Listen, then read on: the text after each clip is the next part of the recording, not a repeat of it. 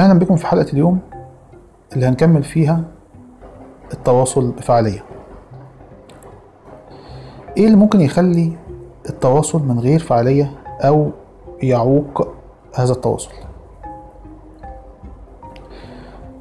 الحلقة السابقة اتكلمت عن عناصر الاتصال والتواصل وفي حلقة اليوم هقول لحضراتكم إيه اللي ممكن يخلي العناصر دي من غير فعالية أو إيه هي معوقات عناصر الاتصال والتواصل؟ زي ما قلت قبل كده إن في عناصر للاتصال والتواصل وهي المرسل والرسالة وطبعا اللي بيتبعها وسيلة أو بتكون من خلالها وسيلة اتصال والمستقبل والتغذية والتغذية العكسية أو الفيدباك فأول حاجة اللي هي المرسل إيه المعوقات اللي ممكن تكون مرتبطة بيه أول حاجة الحالة النفسية أو عدم التوازن للمرسل. أن يكون مثلا حالته النفسية يعني سيئة أو غير متوازن وطبعا ده أكيد هيأثر على توصيله للرسالة بتاعته. كمان ممكن يكون التوقيت الخاطئ لإرسال أو توصيل الرسالة بتاعت هذا المرسل. إن المرسل يكون غير كفء يبقى عدم كفاءته أو إن هو يفتقد لمهارات التواصل. ده بالنسبة للمرسل. طب إيه اللي ممكن يكون مرتبط بمضمون الرسالة وهي المعوقات؟ أول حاجة إن تكون لغة الرسالة اللي هو بيقولها غير مفهومة أو غير واضحة وبالتالي طبعا مش هتصل للمستقبل بطريقة صحيحة. إن يكون هدف الرسالة بتاعته أصلا غير مناسب لموضوع الرسالة. إن يكون أسلوب نطق الرسالة نفسه غير سليم كمان ممكن يكون أسلوب الكتابة كمان غير سليم أو غير واضح. إن تكون الرسالة بتاعته مش مكتملة. طيب ده بالنسبة للمرسل والرسالة. بالنسبة لوسيلة الاتصال إيه اللي ممكن يعوقها؟ إن يكون في اختيار خاطئ لوسيلة اتصال وفي نفس الوقت كمان تكون وسيلة الاتصال والتواصل دي ضعيفة وغير مؤثرة.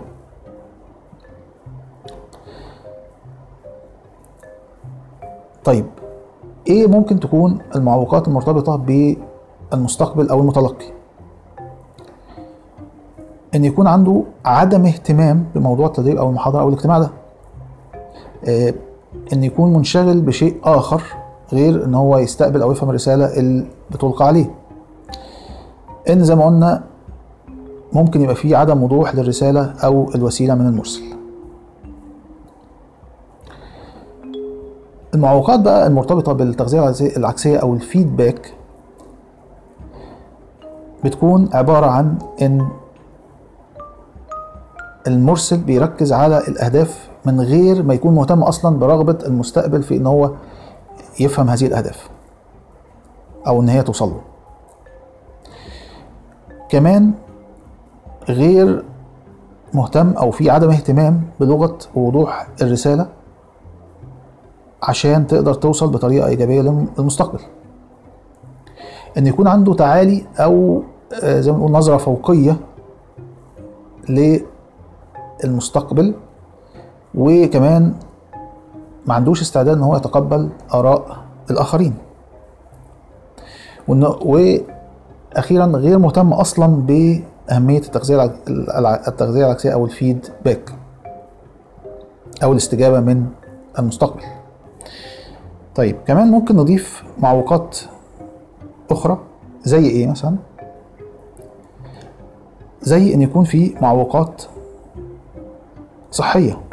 زي مثلا إصابة أحد الطرفين اللي هو مثلا المرسل أو المستقبل يكون عنده مرض ما أو مرض بيمنع بشكل كبير إن هو يتواصل بين ال ال يعني الأطراف الأخرى زي مثلا ضعف السمع. ممكن كمان يكون في معوقات صوتية زي إن يكون في ضوضاء.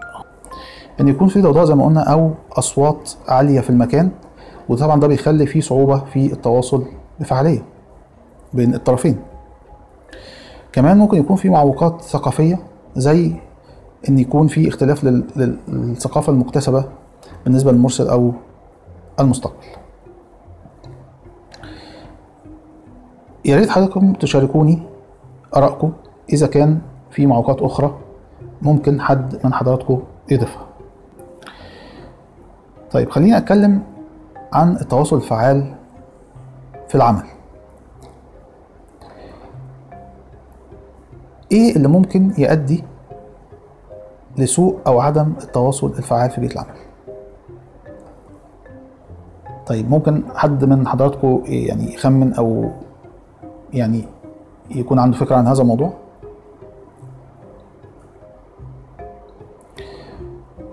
طيب خليني أقول إن حدوث أو إن يكون في مشكلة أو مشكلات نتيجة سوء التواصل مع باقي الأشخاص أو الموظفين طبعا ده ممكن هياخد وقت طويل عشان المشكلة دي تتحل. وبالتالي هيكون في هدر أو ضياع للموارد وكمان الوقت وده هيؤدي لانخفاض المعنويات والطاقة لدى فرق أو فريق العمل. وكمان هيكون في تغيير هيؤدي إلى تغيير متكرر بين ال- الأعضاء بتاع فريق العمل. طبعا ده هيسبب أو ممكن يسبب هبوط وسقوط لمكان العمل سواء كان هذا المكان مؤسسة أو شركة أو مصنع. وبالتالي طبعا خسارة كبيرة لهذا أو هذه المنشأة. وكمان العلاقات مع الأشخاص أو الموظفين طيب وهنا بتظهر أهمية التواصل الفعال في إيه؟ في إنه بيعزز أو بيقوي المهارات بتاعة العمل كمان بيؤدي لتقريب وجهات النظر وتقارب الأفكار والمفاهيم وتوحيد أساليب العمل بين الأفراد كمان اتخاذ القرارات أو آه، من أصحاب العمل وده بيكون نتيجة طبعا تواصل فعال وجيد بين الأفراد ومركز صناعة واتخاذ القرار وده هيؤدي طبعا لانسجام بين فرق العمل وهيبقى في مشاركة بينهم وزيادة الفعالية بين الإدارات المختلفة من خلال إن هم بينسقوا بين العاملين وتوزيع المسؤوليات. آه، دلوقتي هذكر لحضراتكم نصائح للتواصل الفعال أو الناجح مع زملاء العمل. أول حاجة لازم يكون عندك ثقة في النفس أو إنك تقوي هذه الثقة لأن طبعا لو واحد مش واثق من نفسه أو شخصيته ضعيفة هيكون طبعا هناك فشل في التواصل مع هؤلاء الأشخاص أو مع الفئة الأخرى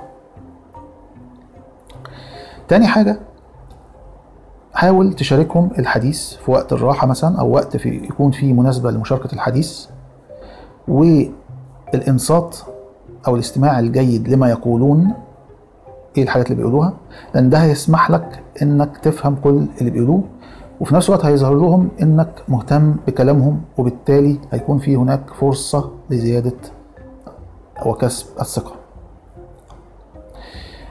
تالت حاجة حاول إنك تنمي الثقافة بتاعتك وتتابع آخر الأخبار لأن الثقافة الواسعة والمعلومات هتساعدك وتسهل عليك المشاركة في الأحاديث وفي نفس الوقت هتفتح لك كمان مواضيع جديدة معاهم.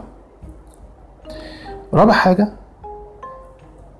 حاول إنك تستخدم أسلوب بسيط وواضح والكلمات طبعا تبقى مفهومة ما يكونش ليها أكتر من احتمال عشان ما يبقاش في حاجز بينك وبينهم. طيب إيه الأشياء اللي المفروض نمتنع عنها عند الاتصال الفعال بالاخرين أو بيئة العمل؟ أول حاجة لا تتصرف كرئيس متسلط ومتعالي. ما يكونش فيه أو لا تتكلم بأسلوب السخرية. ما يبقاش فيه تهديد لا تهدد.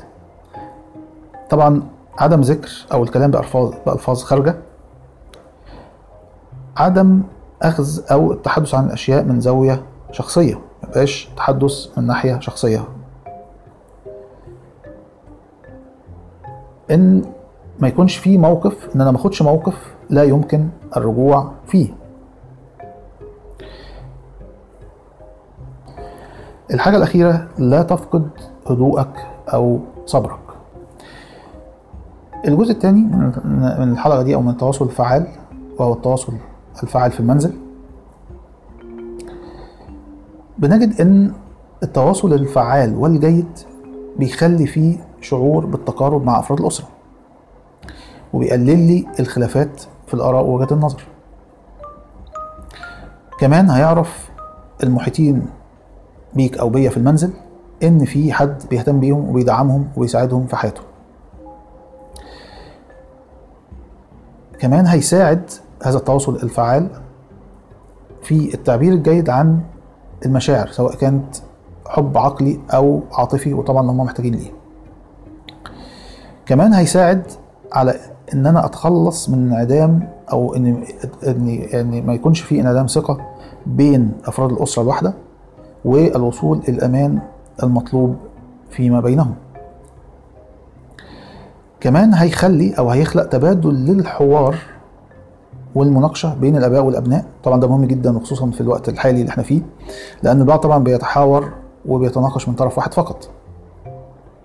وده بيؤدي إن يكون في انفصال طبعا حقيقي أو فعلي بين الجيلين جيل الآباء وجيل الأبناء وفشل في مواجهة الحياة والتحصيل الدراسي والعلاقات الاجتماعية. طيب التواصل الفعال كمان هيخليني أختصر الحوار والمناقشة إلى أقل قدر من الكلمات وبالتالي هقلل الخطأ وبالتالي هيكون في تقبل للنصيحه